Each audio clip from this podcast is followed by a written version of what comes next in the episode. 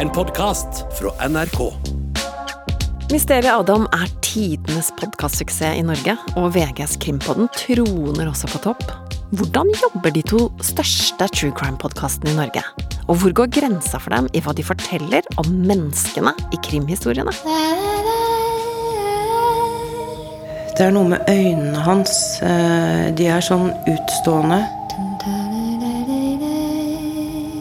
Høsten 2007 dukker det opp en 13 år gammel tsjekkisk gutt på Marienlyst skole i Oslo.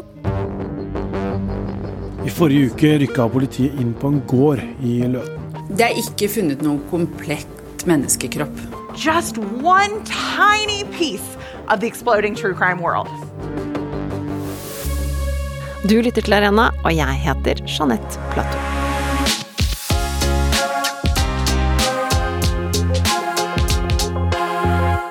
Har du hørt podkasten Mysteriet Adam? Historien er jo helt spinnvill, og hver episode har mellom 200 og 300 000 lyttere. Og de fleste har sikkert, som meg, på et eller annet tidspunkt sittet med åpen munn i sjokk over alt som fortelles i denne krimsaken fra virkeligheten.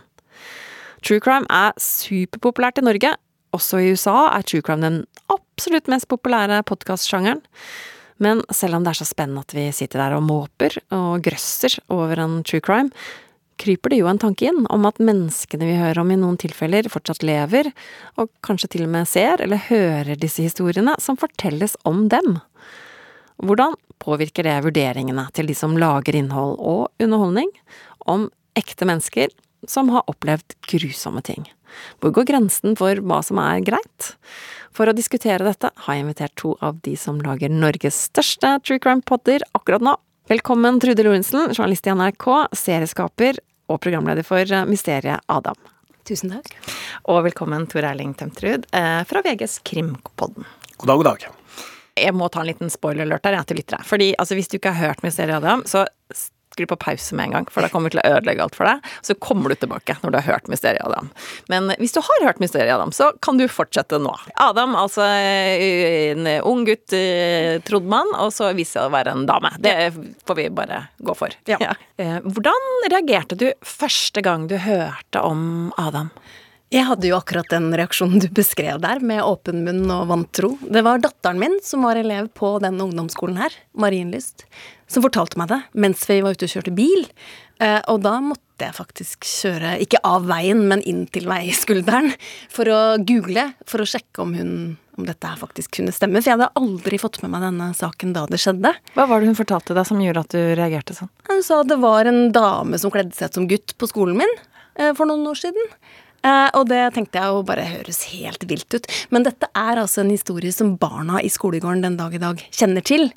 Eh, en levende historie. Det er såpass eh, spesielt, da. Så fra den at jeg liksom Nå er jo jobben å jakte på historier og lage podkastserie av, da. Så tenkte jeg at her ligger det mer enn det jeg fant på Google. For det er jo denne hendelsen ble dekket på nyhetsplass, ganske solid, også av VG og NRK, Nettavisen og TV 2.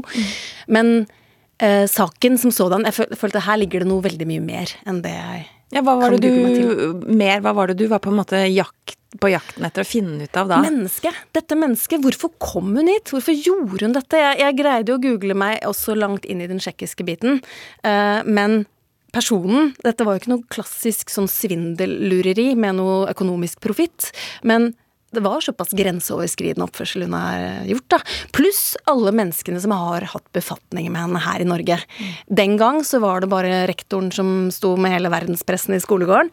Men lærere, medelever, alle som jeg nå har fått til tale, er jo veldig rysta over å oppleve dette her. Ja, hva sier folk som har møtt eh, denne damen? Altså, nå er det jo 15-16 år siden de hadde møtte Adam, da. Eh, Dette var mennesker som brøy seg veldig mye om ham. Eh, Blant annet læreren i det som kalles mottaksklassen, velkomstklassen for eh, flyktninger og barn med, som trenger å lære seg norsk. Dette er lærere og skolefolk som står i veldig mye vanskelige problemstillinger med barna hver dag.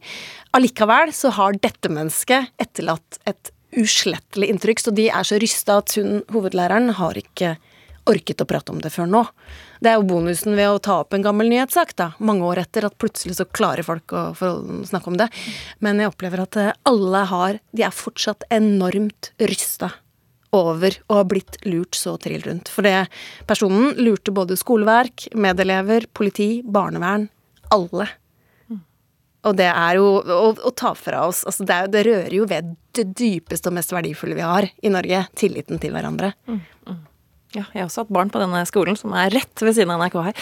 Eh, Tor Erling, har, har, du hørt Mysteriet av dem? Ja, vi har jo eh, slukt den eh, serien, og vi syns jo det er eh, bra at så mange nå eh, har oppdaga eh, ja, podkast, egentlig. For at dette det skjer jo stadig vekk, at flere og flere oppdager podkast, og det er veldig bra for, for oss også, det.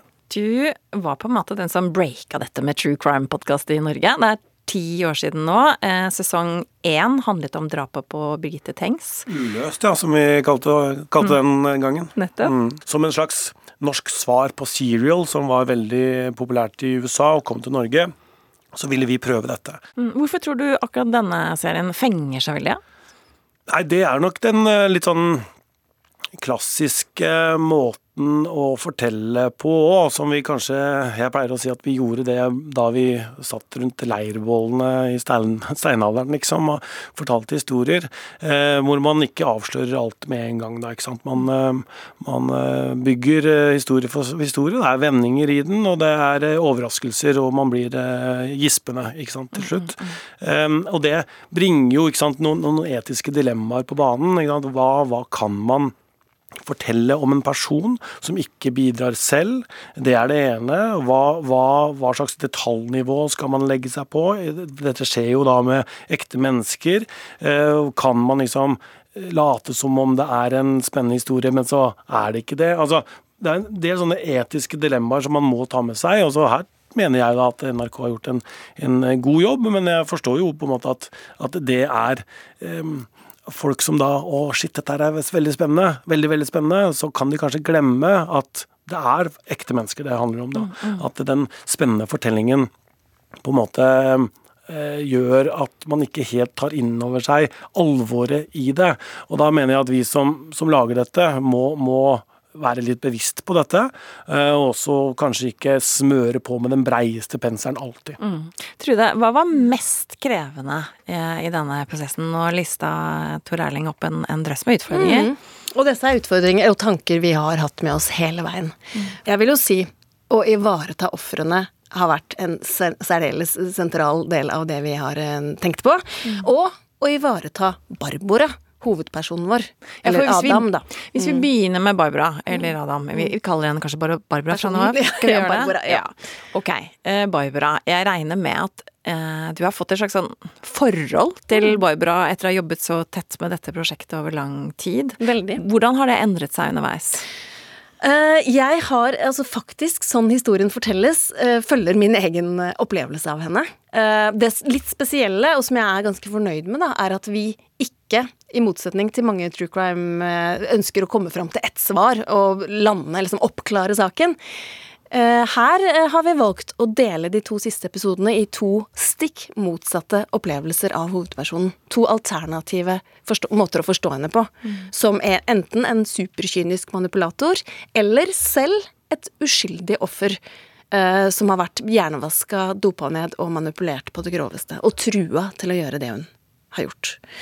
Eh, jeg syns det er eh, presseetikk kombinert med mer spennende historiefortelling, da. Du nevnte Serial, eh, Tor Erling.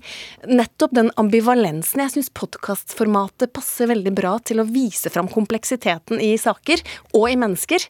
At sannheten ikke alltid er helt endimensjonal, da. Mm. Man har også tid da, sant, til, å, til, å, fortelle det. Da. Jeg, jeg likte veldig godt uh, avslutningen der, hvor, hvor, på en måte hele historien blir dratt i tvil. Og da, da, sitter du igjen med ikke sant? Oi, shit, er det egentlig sånn mm. eh, som, det, som, det, så ut som? Det, det syns jeg er veldig bra. Mm. I bånn her så ligger det allikevel noe som jeg var veldig glad for å oppdage eh, tidlig. Jeg tror ikke vi kunne lage den med mindre hun hadde blitt vurdert som strafferettslig tilregnelig og blitt dømt. Det ligger en rettskraftig dom. Den har aldri blitt opphevet. Mm. Men Barbora i dag er nok, tror jeg, ikke helt psykisk stabil. Eh, og vi kom jo, i forhold til tilsvar, så har vi gjort alt vi kan for å få hennes perspektiv inn her. Eh, men vi har jo aldri fått snakke med dama selv. Men kjente du på noe tidspunkt da at vi kan ikke lage dette her når vi ikke får snakka med henne selv? Uh, nei, for vi fikk jo så sterke talspersoner på hennes vegne inn. En uh, justismordjeger som er enormt engasjert. Uh, og hennes nærmeste i dag, hennes verge, mm. er med. Mm.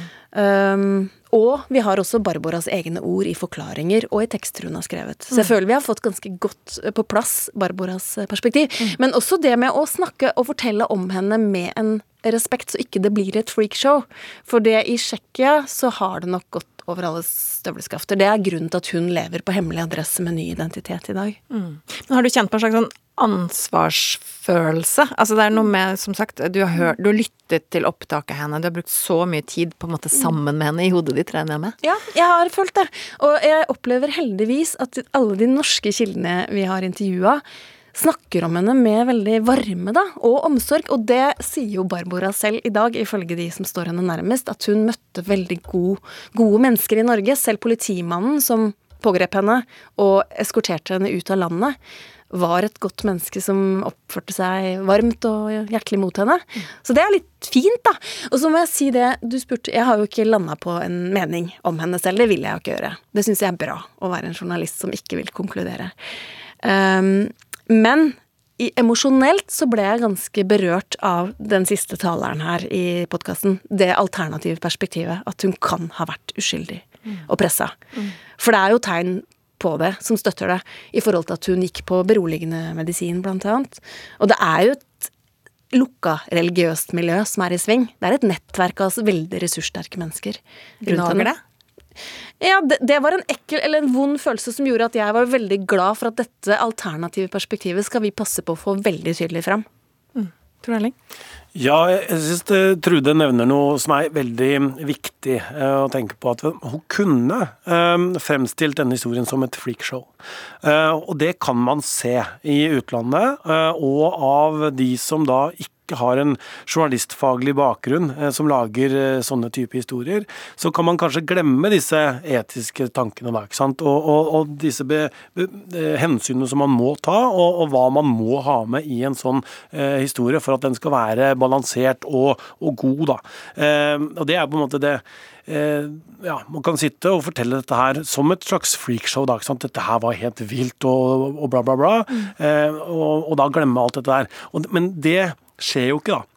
Når man har en redaktør, man er en redaksjon, man jobber i de norske store mediene, så, så er ikke dette eh, noe aktuelt. Men vi ser jo at det er andre som, som prøver seg på det. Mm.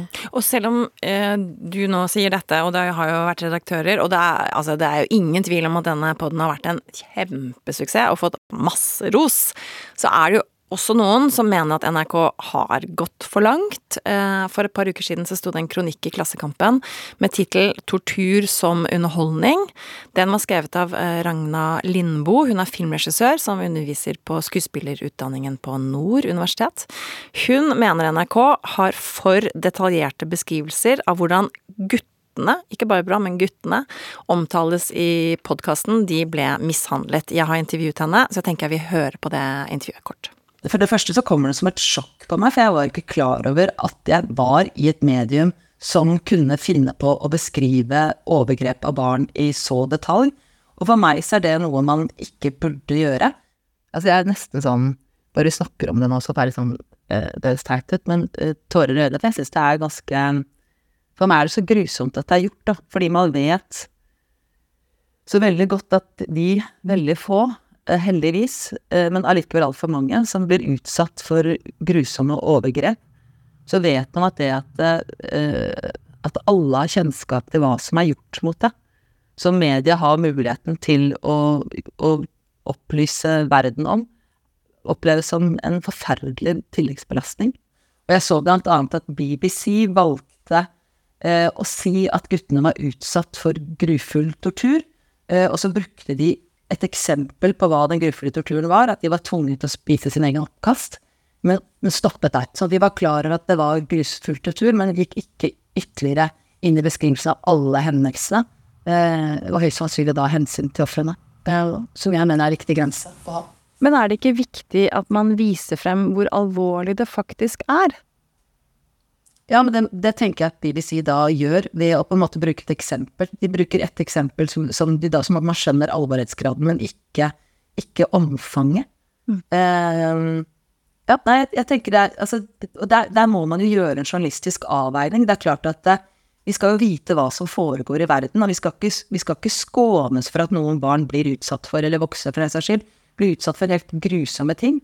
Men der må man gjøre en journalistisk avveining. Da. Hvor, mye man kan, hvor mye skal man fortelle, slik at vi vet at det eksisterer i verden? Samtidig som man også vet at for hver ting man forteller, så på en måte utsetter man eh, ofrene for, for, et ytterligere overgrep, faktisk.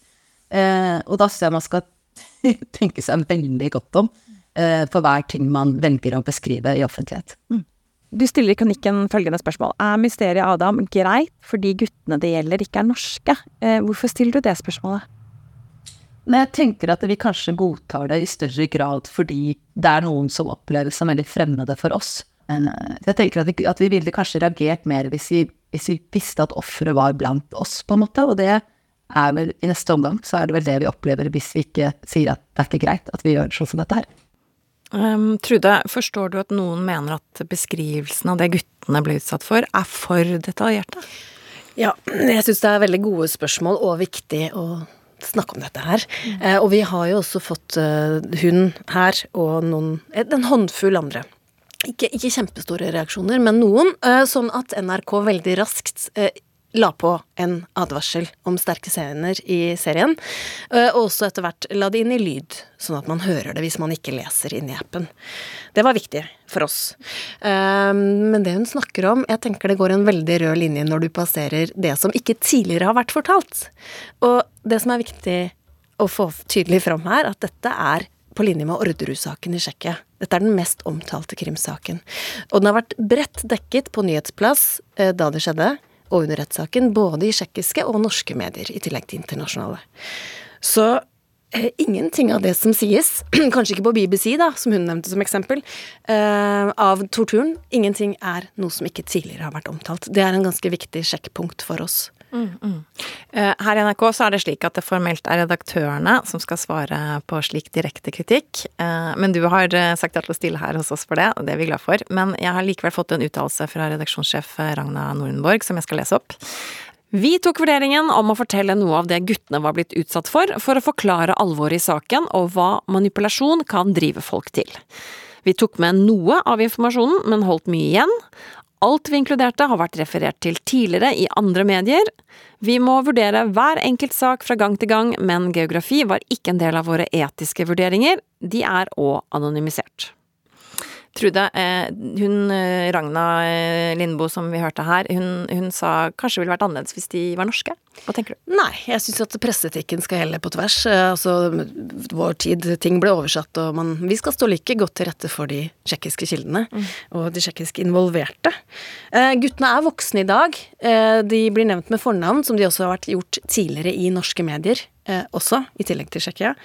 Så er det det poenget med at dette, som du eh, som krimjournalist og mye oftere oppi enn meg, Tor Erling, eh, dette er toppen av isfjellet. Det som nevnes her, er litt Saken i virkeligheten er veldig mye verre. Mm. Det er ingen overdrivelser her. Eh, men hennes poeng da, med at uh, ofrene kan på en måte gjenoppleve dette her og ja, altså, Du sier jo selv i poden at de har på en måte against alle odds uh, begynt å leve gode liv. Ser ut som de klarer seg, disse gutta. Um, har du hatt Altså, ok, det er blitt sagt av andre.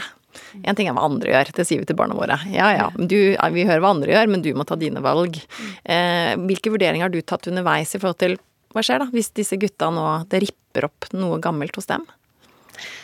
Jeg tror nettopp, Selv om ikke man skal skylde på andre, så tror jeg mengden av informasjon som er blitt fortalt gjennom alle år her eh, Jeg tror faktisk, helt ærlig ikke dette er noe uh, stor forskjell for dem. Nei.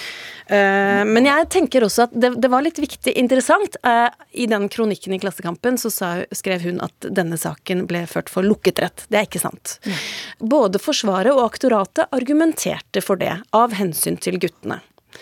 Så bestemte dommeren at nei, denne saken her har prinsipielle og allment viktige dimensjoner som er viktige å vise fram i åpen rett. Det er litt spesielt at dommeren bestemte det. Og også en sånn type Stine Sofie-stiftelse argumenterte for at dette, vi må faktisk vise fram. Her snakker vi om misbruk som foregår bak lukkede dører.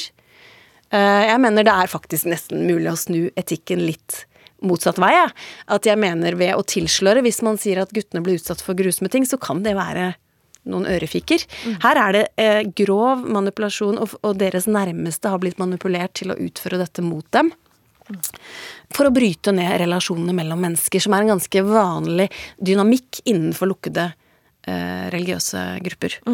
Tor Erling, hva, hva tenker du? Du snakket i starten her eh, på den om det å være forsiktig med å bruke bred pensel. Eh, hva tenker du? Det jeg mente med det, var jo at hvis man bruker bred pensel i adjektiver og, på en måte eh, beskrivelser, men det å på en måte fortelle hva som er virkelig, eh, det, det syns jeg vi, vi skal gjøre, med de hensynene som man tar. Liksom. Fordi virkeligheten er brutal. Men detaljnivået her, da? Jeg, jeg, jeg kan jo ikke gå inn i det, jeg kjenner jo ikke på en måte alle detaljene, men det Trude sier virker eh, klokt uh, i, min, i, i mine ører. Da. Men en ting jeg har lurt på, da, som jeg tenkte vi kunne snakke litt om, er det med grensene som kanskje flyttes hele tiden. For true crime som pod og TV-serie har blitt superpopulært. Så er det noe med at grensene flyttes litt sånn sakte med hva vi tillater oss å, å si. Hva tenker du, Tor Erling? Jeg, jeg tror jo egentlig ikke det. Altså, dette går jo litt i bølger. Altså, hvis du leser krimreferater uh, i avisene på 1800-tallet og 1900-tallet, så var de mye mer brutale enn en de er nå. Uh, og Nå skal ikke det på en måte være noen unnskyldning, men jeg tror ikke det er noe sånn at vi presser grensene på hva vi kan si av detaljer og sånne ting. Uh, snarere tvert imot så mener jeg at presseetikken og, og bevisstgjøringen rundt dette her er faktisk bedre nå enn det var for 10-20 år siden. Mm. Hva tenker du, Trude? Jeg tenker at presseetikken må og skal alltid ligge i bånn. Eh, sånn som, det er kanskje ikke opplagt for alle mm, i publikum, men at vi, selv om vi er muntlig, i hvert fall vår podkast, selv om den er i ørene, så er det et skriftlig manus som er blitt lest igjennom line by line, som det heter, av ansvarlige redaktører. Det betyr at hvert ord, eh, hel, hver formulering jeg sier i den podkasten, er blitt etisk vurdert opp mot Vær varsom-plakaten. Men så bruker vi jo verktøykassa av dramaturgi og virkemidler også for å fortelle historien, så vi når fram til masse lyttere. Og det er også en del av jobben vår. Eh, Tor Erling, i Krimpodden, eh, hvordan vil du si at dette med nærhet i tid og sted, som eh, hun var inne på, ikke sant, eh, eh, påvirker dere? Eh, I forhold til, Har dere noen regler for hvor tett opp i tid det kan ha skjedd, eller hvor nært dere? Ja. Ja, eh, jeg syns at det med nærhet i tid er veldig relevant. Eh, Det er klart at man kan fortelle mer om hva som skjedde for 15-20 år siden. Særlig når disse tingene har kommet fram i dommer, i rettssaker osv. Eh, Jeg har jo hatt 14-15 episoder om Orderud-serien hvor vi har gått i, virkelig i detalj liksom på det. Men Krimpodden er jo også noe som Altså, vi dekker jo ting som skjer nå, og da blir jo dette detaljene helt annet. Eh, Vi, vi, vi snakker om saker hvor, hvor offeret ikke er identifisert ennå, ikke sant. Eh, Og, det er jo noe helt, helt annet, og legger oss da på, på VG sin linje presetisk der, og, og, og forteller ingen detaljer, fordi vi vet ikke, og vi kan ikke spekulere. Så, så det er relevant, dette med tid. Og jeg tenker også at dette med eh, sted er relevant i form av at kanskje lyttere ville reagert mer hvis det var i Norge mysteriet Adam var. Men i og med at det er Tsjekkia, så blir det litt avstand. Men som Trude sier, så er man jo da bevisst det. Og man utnytter ikke det. Nei. Eh, Jeg lyttet til en episode som dere hadde nylig om den forferdelige saken med faren som drepte to døtre og barnebarn. Mm. Din makker Øystein Millie snakker der om at der dette skjedde forholdsvis nært han, eh, hjemsted, eh, måtte snakke med døtrene sine om det. Eh, skjed- Hadde dere noen andre type måte samtaler eller vurderinger når det kom en sak kom litt sånn tett på dere? Vi er ikke så Det er fælt å si det, da, men vi er ikke så veldig uvante på det. Altså, Norge er et lite land. Man kjenner jo noen i en, eh, hver by og, og, og tettsted, liksom, omtrent.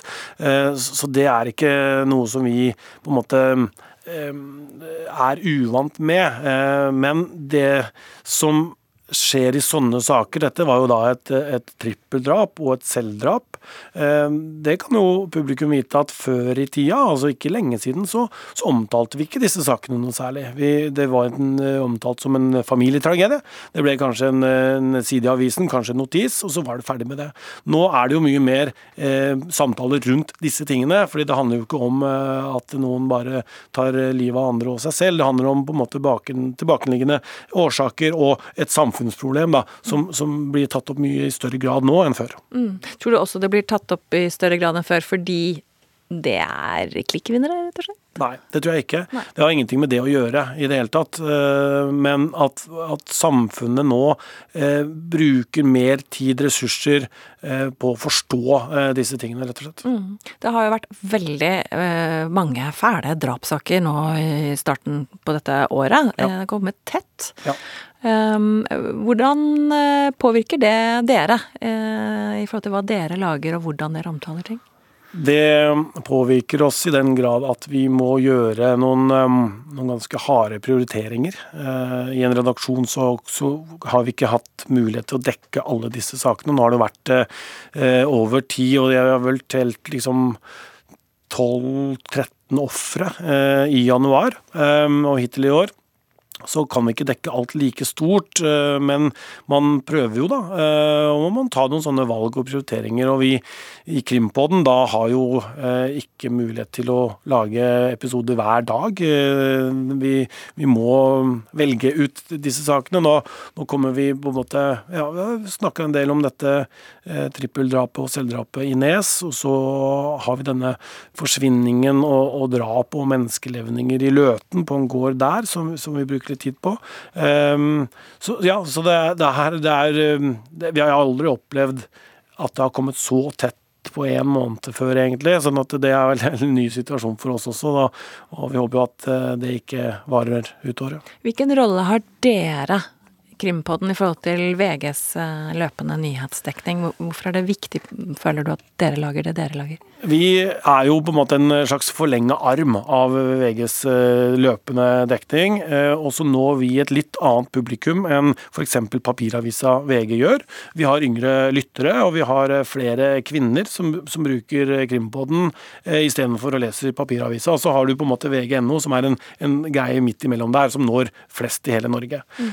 Så vi er er jo et eh, tilbud ehm, eh, for, for, de som på en måte vil høre om de aktuelle krimsakene i, ehm, på lyd. Ehm, og, eh, ja, og formidler dette på en litt annen måte og til et nytt publikum. Vi har snakket med Stein Morten Lier fra Avhørt i en tidligere episode av Arena. Ja. Eh, og han var veldig opptatt av at eh, de i Avhørt har en rolle med å oppklare saker. Eh, når ikke politiet alltid klarer å ta den rollen. De er jo ikke journalister, sånn da har de en sånn rolle. Det, det, er jo greit. Jeg ville jo aldri tenkt sånn. Vi er jo journalister, vi formidler, vi rapporterer nyheter. Eh, det er noe helt annet. Og vi, vi pakker dem si, vi gjør de etiske vurderingene og tar de hensynene som vi mener er riktig for å formidle historiene, ehm, til forskjell f.eks. For av bloggere eller andre som, som, ikke har disse hensynene, og som, som bare ja, formidler det de, det de vil. Da. Ja. Trude, lytter du til Krimpodden? Inn og ut, men ja. Mm. Gjennom årene har jeg hørt mye av fra den kanten der. Ja. Hva mm. tenker du om den, eh, den type podkast eh, som går inn i, i ektesaker mens det pågår? Er det noen andre type etiske dilemmaer, syns du da? Eh, ja, det har jo avhørt vist med Jonas-saken. Eh, men jeg syns jo nettopp eh, det redaktørstyrte huset med VG er, virker veldig klippestødig mm. i håndteringen. Mm. Og jeg syns også, jeg må berømme særlig VG for både i avisform form og i podkast, med det å løfte fram partner og familie, sånne type drap. Eh, det er kjempeviktig poeng du nevnte der, at dette er ting som for få år siden ikke ble omtalt. Det syns jeg er et stort problem, og et eh, etisk problem, å underdrive et alvorlig samfunnsproblem. Eh, internasjonalt eh, så er jo eh, true crime superpopulært. Eh, Netflix-serien om seriemorderen Jeffrey Dahmer. Eh, de fikk mye kritikk av familiene til noen av ofrene, men eh, den serien var jo en av de mest sette på Netflix og prisbelønt. Og i løpet av året kommer det en oppfølger i denne såkalte Monster-serien. På HBO satses det på ny sesong av true crime-serien The Jinx fra 2015. Den er ved siden av podkasten Serial, som du nevnte i sted, Tor Elling, og TV-serien Making a Murder, en av seriene som har fått æren av å sette i gang den store true crime-bølgen som vi har sett eh, de siste årene. Og i USA så så jeg at eh, bransjebladet Variety eh, skriver at eh, true crime-produksjoner har eksplodert det siste året, 2023. Eh, og så er det en sånn enorm industri der som har dukket opp rundt true crime, som jeg syns er litt fascinerende. Blant annet så har de den CrimeCon, en stor konferanse i Nashville i, i mai, eh, hvor true crime-entusiaster kommer. Eh, og man kommer med sine egne historier. Man håper noen skal fortelle det som podkast. så i USA har det på en måte det blir debattert om, det, om true crime er tatt litt vel av. Blant annet på, på Facebook så finnes det nettsider hvor man begynner å snakke om hvem som kan være morderen. Man nevner navn på folk som jo viser seg å være helt uskyldige. De blir hengt ut på Facebook. Eh, Tor Erling, dere har en ganske aktiv Facebook-side, vet jeg. Merker dere noe trøkk der? Noe à la det vi ser i USA? Ja, man kan jo spørre seg om det har gått litt for langt der borte. Det virker nesten litt sånn. Det, det må jeg si. Det er jo ikke sånn som vi opplever det i Norge i det hele tatt. Um, men ja, vi har jo en Facebook-gruppe um, som har over 8000 medlemmer uh, som, ja, på Krimpoden nå. Og det var jo et eksperiment for VG, fordi VG har ikke kommentarfelter eller på en måte noen grupper som diskuterer krimsaker. Det er, eh, vi er også redaktører for, for debattforumene og kommentarfeltene. Eh, og så ville vi prøve å se om vi klarte å få til en, en anstendig ja, samtale eh, rundt krimsaker, og det har vi. Men den er strengt moderert. Ja. Eh, alle innlegg blir forhåndsmoderert, eh, og er, jeg sitter og på en måte slipper inn og svarer sjøl. Og, og, det på en måte har blitt liksom en gjengs tone i den gruppa. Mm. Og det, det, er ingen som nevner navn, eller på en måte spekulerer i vilden sky. Vi har noen ganske klare regler på det. Så, så der er det, er det lov og orden. Ja. Men det finnes jo andre grupper i Norge også. og Det finnes jo et svensk eh, forum på nettet som veldig veldig mange sitter og, og skriver inn i og leser. Sånn at det, det fins. Eh, men eh, men vi har ikke kommet dit som, som, som du beskriver i USA, altså. Det, det, det, må jeg si. Nei. Trude, har du fått inn mye tips og sånt nå? Eller? Ja, det begynner jo å komme nå, så det må jeg bare si er superspennende.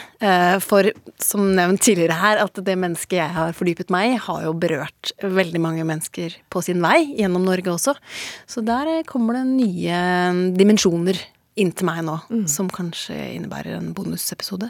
Men jeg tenkte på bare kan, de Kan du si litt mer om det, eller hva slags ting? Ja, ja, det er jo nye Nei, nei. nei, det er, det er eh, biter av eh, puslespillet. Nye biter som kommer inn. Eh, men jeg er jo spesielt interessert i om noen fra dette nettverket, det såkalte maurene, um, fins i Norge. Det er, det, det er, et spørsmål jeg fortsatt eh, ikke helt er, har fått besvart. Mm. Det, er, det, er, mange hvite flekker på det kartet òg. Så jeg er veldig åpen for å få inn nye tips. Men når det gjelder de amerikanske eksemplene du nevnte, så syns jeg det er to ganske ytterpunkter der, nemlig Serial eh, og Making a Murderer.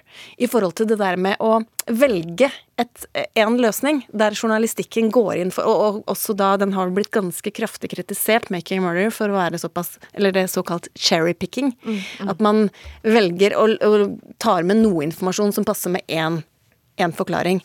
Og jeg heier på de podkastfortellingene som Serial og andre, som isteden løfter fram og viser eh, det vi ikke kan vite helt, sikkert. Ja. Der vi er usikre. Der ambivalensen er. Jeg syns det er mer eh, stimulerende som lytter også. Mm. Så jeg tenker at eh, det er to ulike retninger da, mm. innenfor uh, true crimen.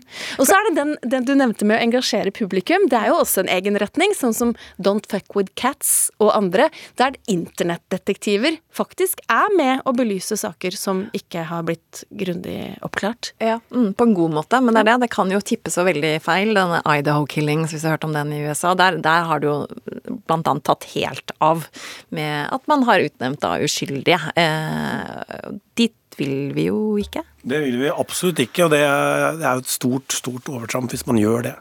Jeg syns også dette med, med tvil, ikke sant, eh, og, og på en måte gå f.eks. en dom i, etter i sømmene, hva slags bevis var det den gangen, ikke sant, som, som, som dere har snakka om Bjørn Olav Jahr, ikke sant, og, og Baneheia-saken som alle mente var eh, riktig, ikke sant, men så ser man på det, og så blir man tvilende selv, og, og som journalist også, ikke sant, å gå gjennom den, den reisen der, og ja, i Orderud, ikke sant, hvor det foreligger dommer, er men, men en begjæring oppe i kommisjonen nå, ikke sant, er det, er det noe tvil der, osv. Det syns jeg er veldig interessant, og, og, at vi kan løfte det, eh, og få publikum til å få et mer reflektert forhold til det, eh, domstoler, til eh, politi osv., er veldig bra.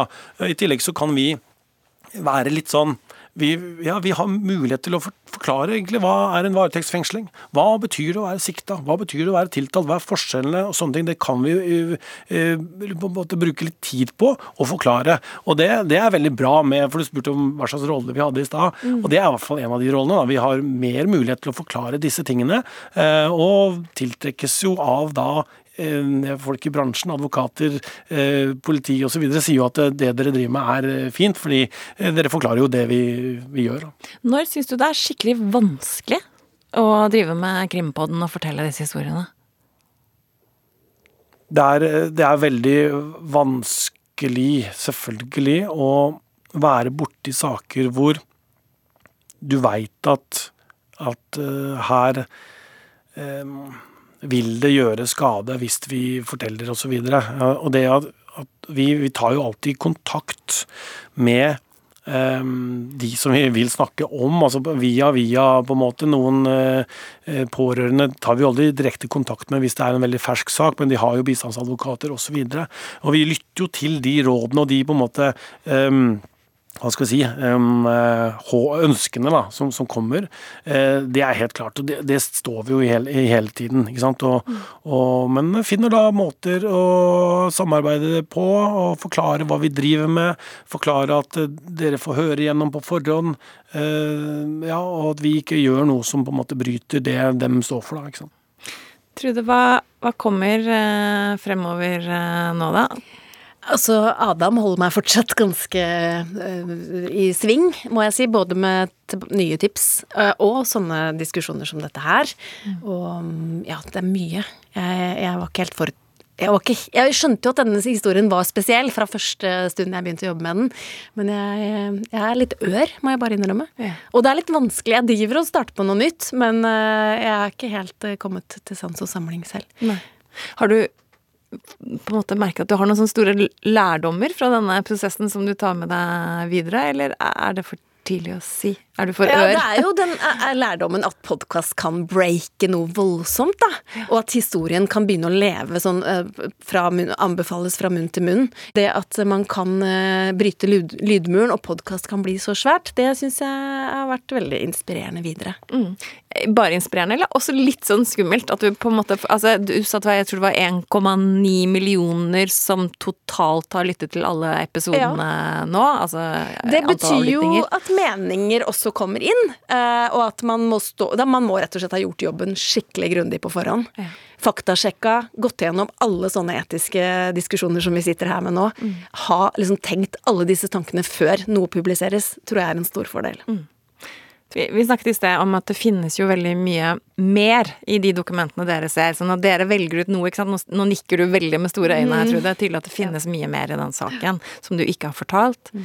Men kan det være at dere på en eller annen måte blir litt mer blaserte, da, at, altså, og dermed at, at man åpner opp for litt mer enn det kanskje ja, jeg ville gjort som ikke har lest de dokumentene? Altså, merk, Blir man litt blasert av å lese så mye grums, jeg vet ikke om man kan kalle det grums engang, vold, øh, fæle ting? Altså, jeg har jo en uh, ekte gutt på 13 år selv. Uh, jeg er et menneske, et menneske som er glad i barna mine og syns at man skal være snill mot barn. Ja. Eh, men jeg tror faktisk Mitt inntrykk Jeg er jo ikke krimjournalist, sånn definerer meg ikke som det til vanlig. Og heller ikke som en som driver og lager underholdning. Definerer jeg meg absolutt ikke som. Mm. Men jeg tror det er gjengs. Det er min oppfatning av krimjournalister. At man alltid, nesten, sitter på mye verre ting enn det man forteller. Så det er en litt sånn misoppfatning kanskje ute blant publikum, da. At man smører på.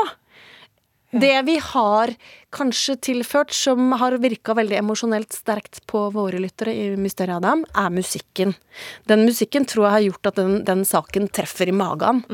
Eh, på, en, på en emosjonell måte, ja. Og at gjort at folk har liksom Vi får tilbakemelding på at voksne mennesker også ikke tør å høre på den på kveldstid. Og får en sånn guffen, ekkel følelse. Så det er jo følelser i sving. Det er et emosjonelt medium. Men samtidig et medium med, rom for mye kompleksitet. Ja, ikke sant. Og så- blir man jo lyttende, man, man har det rett inn i, i øret. Det er jo sånn in, intimt, da, ikke sant. Eh, eh, Og jeg husker veldig godt da jeg hørte Serial for første gang. Eh, Det var, det var mørkt, det var høst, liksom. Og jeg, det var ute da jeg drev og, og prøvde å jogge. Eh, Men, men eh, jeg husker liksom at den musikken også var veldig stemningsskapende, og vi bruker jo også musikk til nettopp det, eh, som et virkemiddel. Eh, eh, som, som, vi, som vi har, da. Um, så er vi også bevisste på det. ikke sant? Vi, vi, vi, vi bruker det ikke Det må ha en funksjon som vi mener er forsvarlig, ellers så kutter vi det bort.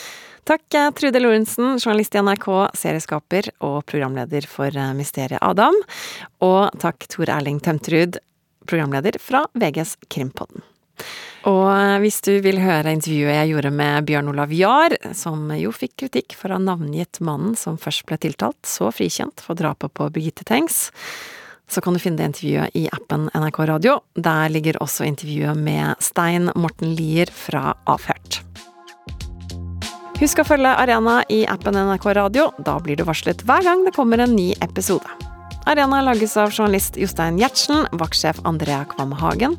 Kulturredaktør er Helene Hillestad, og jeg heter Jeanette Platou.